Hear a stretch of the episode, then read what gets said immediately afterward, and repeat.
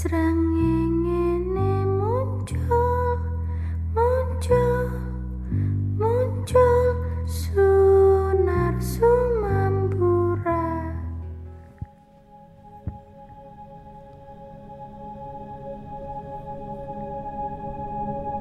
Assalamualaikum warahmatullahi wabarakatuh. Shalom, Om Swastiastu.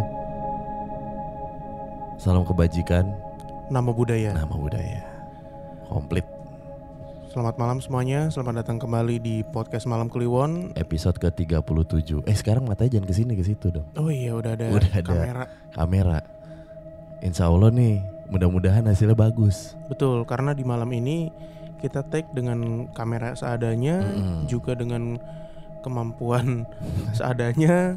Semoga aja hasilnya bagus dan bisa diolah deh. Sama Gitu. siapa?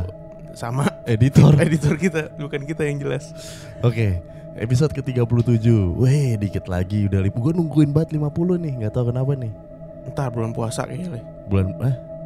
Bulan puasa sih Iya. Kan udah kita enggak- bahas Oh, iya udah. Iya kan Eh malam ini kita Disponsorin Sama Saripati Oh ini punya gue. IDN Wah netes-netes bro Seger. Saripati Indonesia. Nih Oh, minuman yang sangat menjagarkan. Betul Instagramnya at saripati.idn Atau baca di bawah sini Nanti kita taruh di description linknya. Betul Oke Hmm. Sambut dong kalau gue oke lagi doang. Oke kan harusnya Ya dilanjutin. enggak, lo kalau misalnya gue lagi Oke mandek gitu doang. di iniin. Oke. Seperti biasa Bimo sama itu Danu cakep. Mau membacakan cerita-cerita dari teman-teman semua, dari Betul. teman Kliwon yang udah banyak banget masuk ke DM. Mm-mm. Kita sudah memilih beberapa cerita. Danu sih yang milih. Gua sih, lu mah tai lu. Jadi kalau cerita yang nggak dibacain selain Danu ya. Waduh, banyak banget soalnya, Pak. Ini kan harus Enggak, enggak, juga. enggak. Banyak banget soalnya nih. Bener-bener deh kalau nggak percayaan, kalau nggak cayaan lu pada di Mm-mm. DM aja udah ratusan, email ratusan. Ih, enggak ada. Nih yang pertama dari Dwi Akmal Maulana. Mantap. Oke, kita baca ya dari Dwi Akmal Maulana nih. Nggak kelihatan juga nih. Ya apa-apa biar bukti. Hmm. Saya punya sebuah cerita yang menurut saya creepy banget. Ini saya alami ketika duduk di kelas 2 SMP. Saya tinggal di kota Singkawang, Kalimantan Barat. Mm-mm. Saat itu saya sedang di rumah.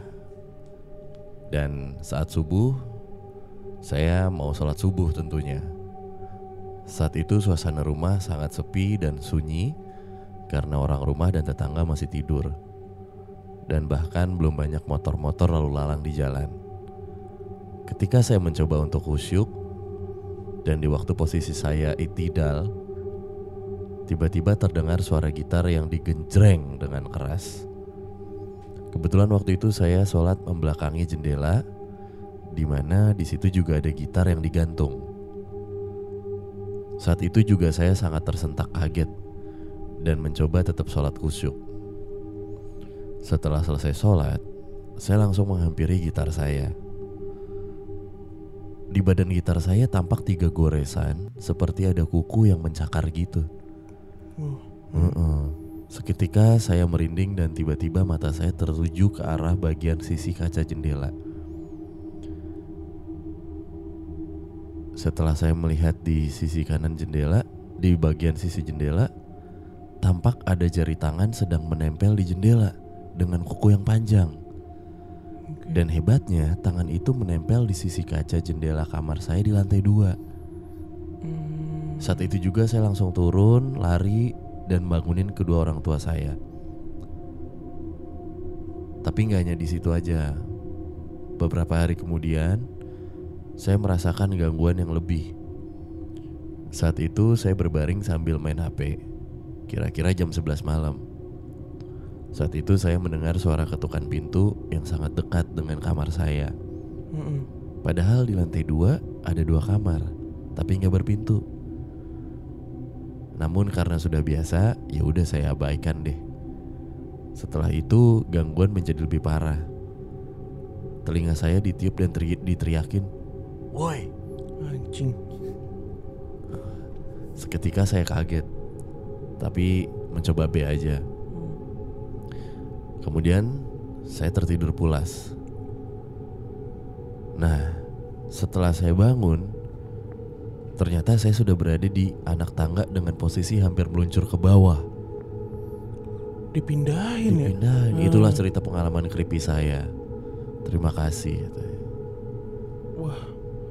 Ini dia di Singkawang. Singkawang, Kalimantan Barat. Secara Oh iya iya iya, sholat subuh ya. eh, Gue pikir tadi sholat malam gitu loh, ya, tahajud, sholat subuh. subuh. Cuman nggak tahu ini itu kan cerita pertama. Nah, Mm-mm. cerita yang dia dipindahin itu jam 11 malam. Iya. Bukan di subuh-subuhnya, di subuh-subuhnya ada kuku. Heeh. Oh gitar digenjreng. Kita di genjreng. Waktu pas posisi itidal, lo tau nggak itidal? Gue udah lo kasih tahu tadi. Oh iya, Iya, udah tahu ya berarti sekarang. udah. Ini kencang bener by the way, headphone-nya. Kecil dikit kali. ya. Salah itu handphone gua. Nah, itu. Terima kasih Singkawang untuk ceritanya. Singkawang ya. Sebenarnya ini adalah side lain ya, karena memang Indonesia kan beragam banget budaya agama kan. Mm-mm. Kalau kita berbicara Singkawang dan Kalimantan tuh kan pasti lekat dengan suku Dayak ya. Iya. Iya kan? Salah satu yang Salah dominan satu ya. yang dominan gitu. Dan kita tahu sendiri kan spiritual Dayak kayak gimana kentalnya banget gitu. Apalagi di Singkawangnya ya. Itu dia, Iya apalagi kan? di Singkawangnya. Kalau ke di daerah lainnya mungkin di ada orang Melayu, ada orang Banjar. Mm-mm. Kalau di Singkawangnya sendiri kan masih banyak ritual-ritual Itu. itu tuh apa namanya? Apaan? Yang pawai pada pakai ditusuk-tusuk lidahnya. Oh iya, Iya kan? ah. Itu kan di Singkawang kan? Ibarat kata kayak debusnya, Mm-mm. debusnya di sana gitu. Oh iya bener ya itu di Singkawang ya. Makanannya enak-enak juga Singkawang tapi. Gue belum pernah sih, Le. Kan banyak tuh mie Singkawang. Oh, khasnya di sana ya. Iya enak tuh mie-nya. Kalau kopi Pontianak biasanya. Gue belum pernah deh ke Kalimantan. Lu pernah? Belum gue. Iya kan? Belum. Sulawesi Sulawesi udah. udah, gue. Sumatera udah. Sumatera udah. Jawa udah. Maluku belum juga gue. Maluku belum. Maluku sama Kalimantan ya. Mm-mm. Ntar kita Apa? jalan-jalan deh, Oh, iya. explore. Iya, ay- aminin aja, Le. Nanti kan ibu kota di sana. Bener. Oke, lanjut. Ini cerita kedua dari email juga. Hmm, Ntar lu Apa tuh? kalau udah masuk YouTube gini boleh. Boleh? Oh, nggak apa-apa ya. Gak apa-apa, gak apa. Lanjut dah. Kita sudah cukup umur ini kok. ini dari email. Wah, emailnya good people. Hah? Jadi bukan nama asli nih. Email mungkin email brand kali ya. Net TV dong. Eh, sapaan ya? Sapanya good people. Oke, gue bacain ya. Assalamualaikum, podcast Malam Kliwon. Saya izin ingin membagikan kisah yang cukup membuat merinding buat saya. Kisah ini terjadi sekitar tahun 1985 di daerah Bojonggede, Kabupaten Bogor. Lawas nih. Iya, Ini ibunya kali yang ngalamin nih. Coba dulu Oh bang. ini. Iya. Jadi ceritanya ibu dan nenek saya suatu hari itu didatangi sama seseorang yang nggak dikenal. Nah orang ini pakaiannya tuh kotor, penuh dengan tanah dan sebut aja namanya Tatang. Yang saat itu dia sedang mencari alamat saudaranya yang berasal dari Tasikmalaya. Kebetulan tetangga di samping rumah saya tuh orang Tasikmalaya. Tanpa pikir panjang, ibu saya mengantarkannya ke rumah saudaranya itu. Sebut saja Pak Uun. Nah, singkat cerita, Pak Tatang ini memberi kabar bahwa sang orang tua dari Pak Uun meninggal dunia karena sakit, muntah darah akibat diguna-guna orang, dan telah meninggal dunia tujuh hari yang lalu. Oke. Pak Tatang ini bilang kalau dia tuh dari Tasik berangkat setelah sholat rawih dibekali ongkos 7000 waktu itu dan tersisa 50 rupiah. Tanpa pikir panjang, Pak Uun beserta istrinya langsung pulang ke Tasikmalaya untuk memastikan kabar duka tersebut. Sesampainya di rumah orang tua Pak Uun ini, ternyata orang tuanya masih sehat walafiat. Wah. Lantas Pak Uun ini kaget dan menceritakan semuanya kalau dia diberi kabar dari seseorang yang bernama Tatang bahwa ibunya meninggal dunia. Sang ibu juga langsung kaget dan menjelaskan bahwa yang meninggal dunia adalah sepupu beliau yang bernama Tatang. Yang tidak lain dan tidak bukan adalah orang yang datang langsung ke rumah Pak Uun tersebut. Ternyata uang 7000 itu adalah uang solawat atau uang orang yang melayat almarhum Pak Tatang ini. Ih. Dan tersisa 50 rupiah. Pas kembali dari Tasik, nenek saya menanyakan kebenaran kabar tersebut dan dijawab sama istri Paun ini bahwa yang waktu itu datang ke rumah beliau adalah Tatang yang udah meninggal. Wah, Iya anjing. jadi yang waktu itu diajak ngobrol oleh nenek dan ibu saya adalah sesosok sesosok pocong dari almarhum Pak Tatang yang ingin memberikan kabar duka kepada Pak Uun ini. Terima kasih, mohon maaf kalau emailnya berantakan. berarti didatengin arwah ngeri juga. Makanya dia pas datang tuh ini ya bajunya lusuh gitu, ada tanah-tanahnya. Anjir. Anjing. Berarti de- dengan kata lain dia mengabarkan kematiannya sendiri, leh. Iya kan?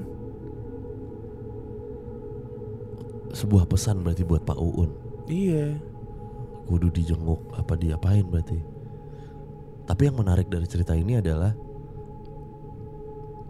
setelah datang ke rumah Pak Uun, tatangnya ke mana nih? Oh iya pas Pak Iya Uun kan? balik ke Tasik ya. Heeh. Oh itu ada missing link tuh.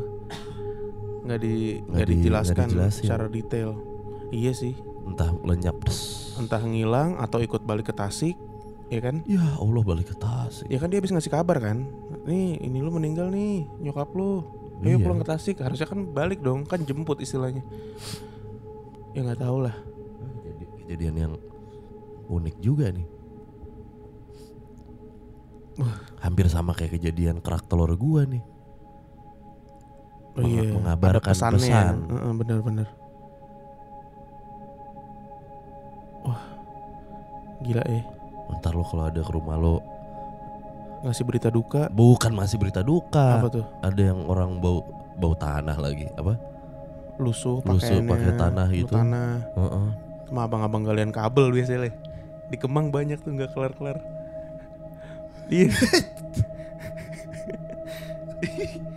Di Kemang banyak nggak kelar-kelar. Itu bukan bajunya le. Sebadan. Oh, itu badan-badan ya, galian kabel. Oh, bukan. Iya, Kabel. iya, iya. Minta kopi tuh biasanya tuh. Udah ini lanjut ya. Lanjut. Ini podcast horor tolong lah. Ya lu. Jaga martabat kita. Abang-abang kalian kabel. Lagi penuh tanah. Kalian dorong gitu. Wah. Ga- galon satu doang biasanya Udah yuk, minumnya. yuk. Iya udah ayo Lanjut. gas. Cerita selanjutnya. Ini dia nggak mau disebut kayak ada namanya. Halo. Oh ini judul. Ini berdasarkan kisah gue ya. Nyata nggak ditambah-tambahin, nggak dikurang-kurangin. Pokoknya pas. Bakem. Oh, ini nggak apa-apa namanya nggak apa-apa. Nggak apa-apa. Nggak apa-apa. Rumah sakitnya yang jangan. Taruh dulu gue make sure. Iya, Oh iya benar. bener. Lah ini hotel kok. Kenapa jadi rumah sakit? Salah. Hotel, hotel. Nggak boleh disebutin. Oh. Oke. Ini dari Mira Martina. Oke. Mau cerita pengalaman gue beberapa tahun lalu di rumah lama gue di Bandung. Kejadian ini gue alamin sekitar tahun 2010-2011. Saat itu gue masih jadi karyawan salah satu bank swasta di Bandung. Nah, jadi di suatu minggu, di suatu minggu pagi, gue jadi pagar ayu gitu di salah satu hotel di Bandung. Dalam kurung, yang baru tahu akhir-akhir ini kalau ternyata hotel itu angker gitu ya. Mm-mm. Abis acara, abis acara, gue foto-foto iseng-iseng gak jelas di ruang make up di hotel itu dengan rambut yang acak-acakan karena habis disasak. Oke. Gue foto bareng teman gue inisialnya I. Teman gue ini satu kantor sama gue. Dan memang pengantin yang nikah di hotel itu teman satu kantor gue juga. Nah pokoknya kita berdua foto-foto sambil bergaya kayak hantu gitu Sambil ketawa-ketawa gak jelas entah kenapa Di situ nggak ada kejadian apa-apa Mm-mm. Habis itu gue pulang ke rumah. Seperti biasa malamnya gue tidur sendiri.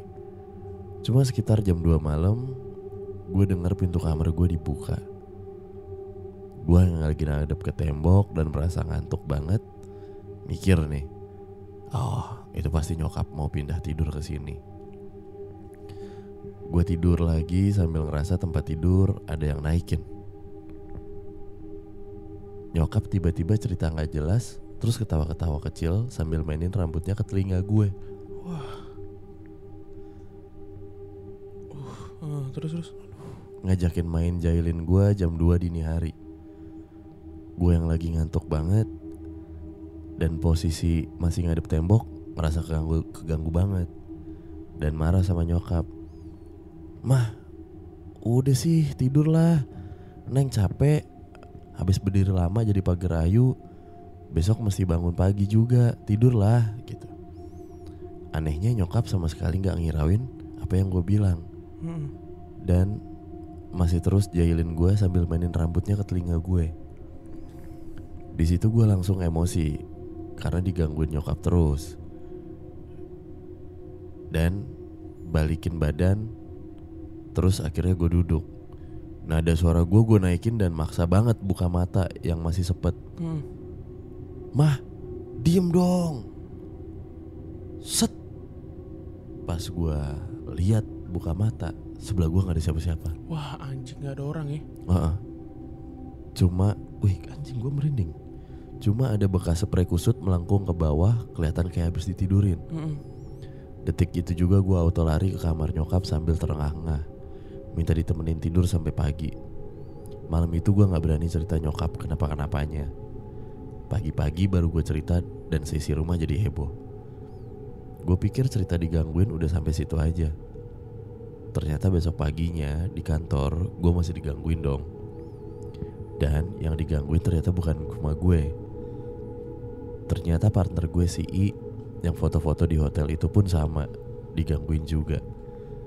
Cuma dia digangguin lewat mimpi yang bikin dia nggak bisa tidur nyenyak malam itu.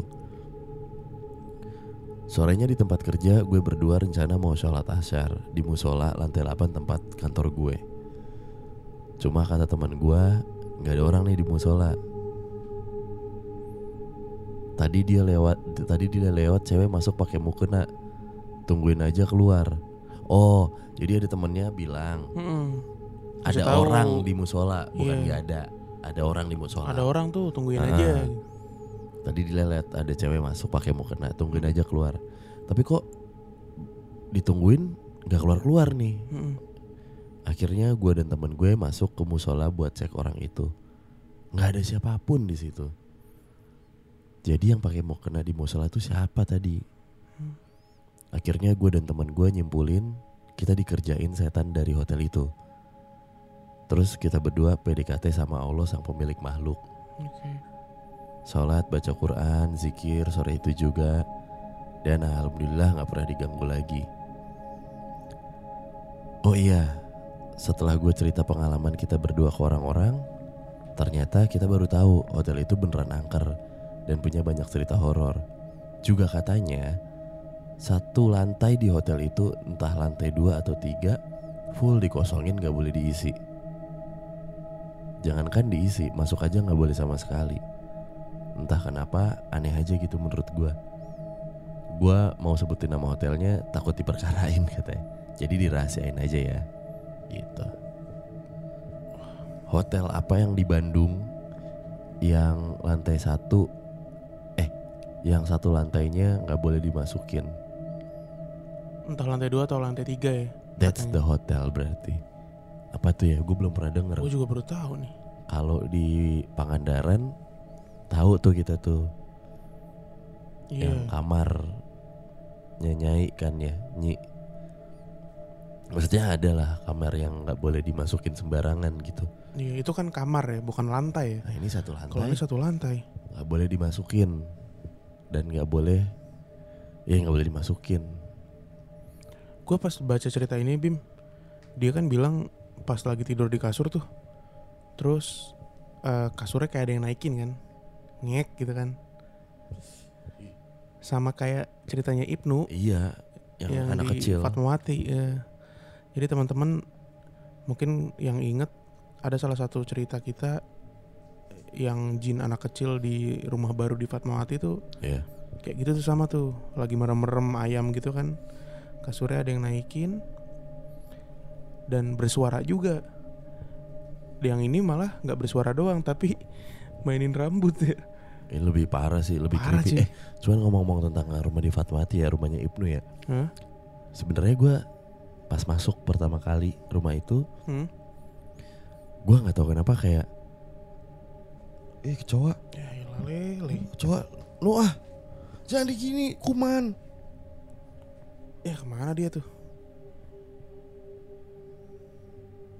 Jangan dimejretin, kecoa dimejretin, dia kuman. Lu, masuk sih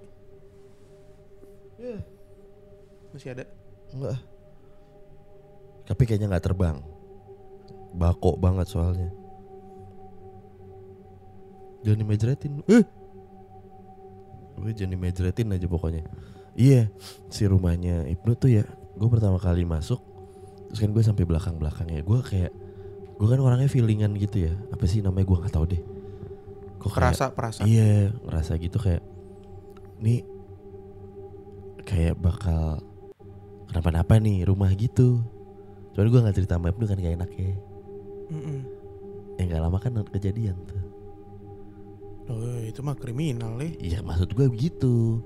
Kayak something gitu loh. Kayak tapi setahu gue emang daerah situ rawan iya sih. memang iya Heeh. sih.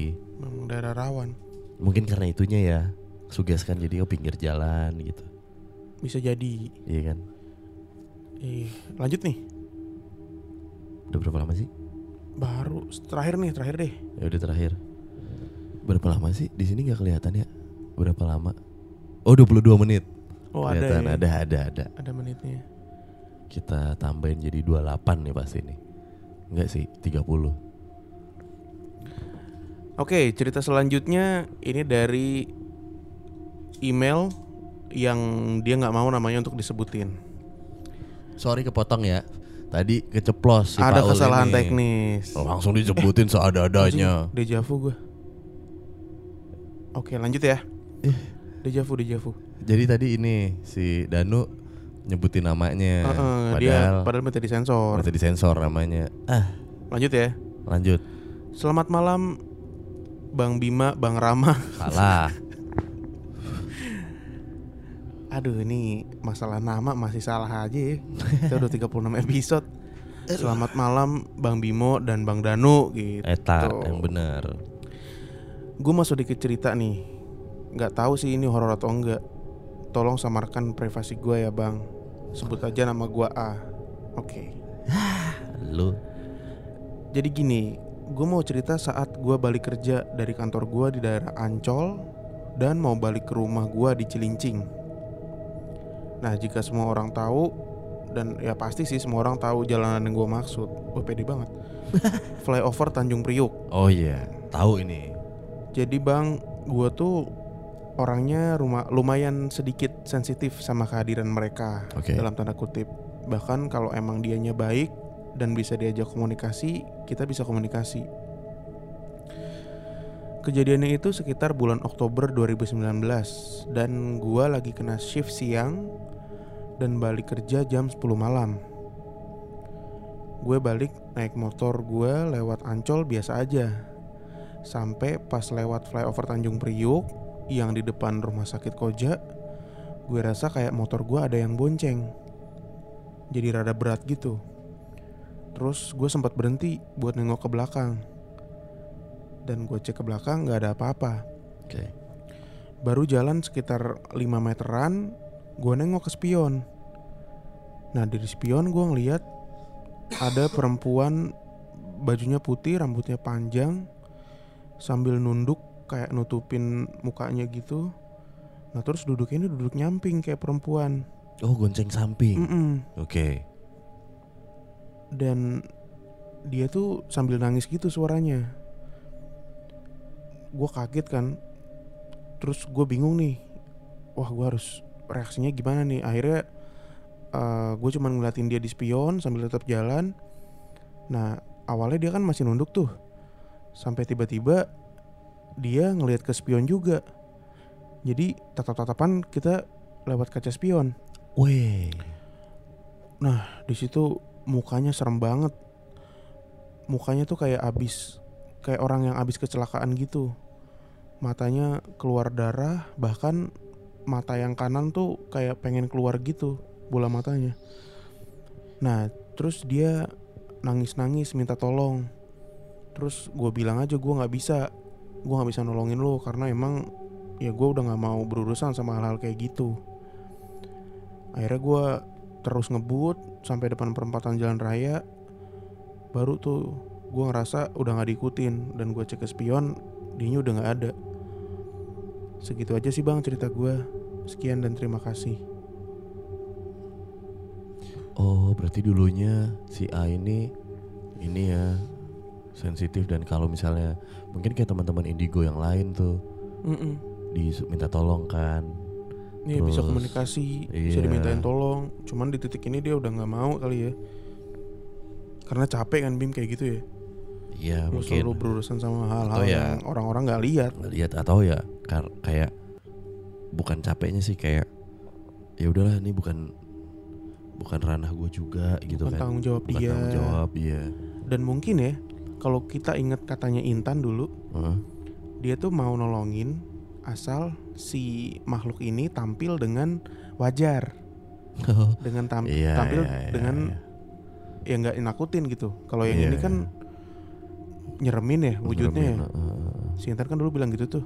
Iya, iya. Kalau si makhluk ini tampilnya mukanya acak-acakan segala macam dia nggak mau ngobrol, nggak mau komunikasi. Iya sih. Eh, gue kepikiran deh dari tadi. Apa kan ini tuh? tadi kita potong ya. Mm-mm. Next episode kalau misalnya keceplosan bisa di nit gitu deh. Oh pakai sensor aja Iya, ya, pakai benar sensor benar aja benar. kan. Ini gak usah dipotong gitu. Siap siap. Nit gitu. Kita memang bodoh sekali ya, tidak tidak Misalnya. paham fungsi editing. Misalnya ini ada dari Tit. ma ah, Nah gitu aja. kita deh. masih Pak, masih gitu. Ah, ah, ah. Terus kan langsung waduh lupa disebutin. Nah, nanti Ntar di- kita sensor ya. Nah, gitu. gitu. Maklum baru. Pemula, Wah, pemula. udah gak kerekord. Lah iya dah. Baru nih, baru mati. Coba rekord lagi lah. Serius.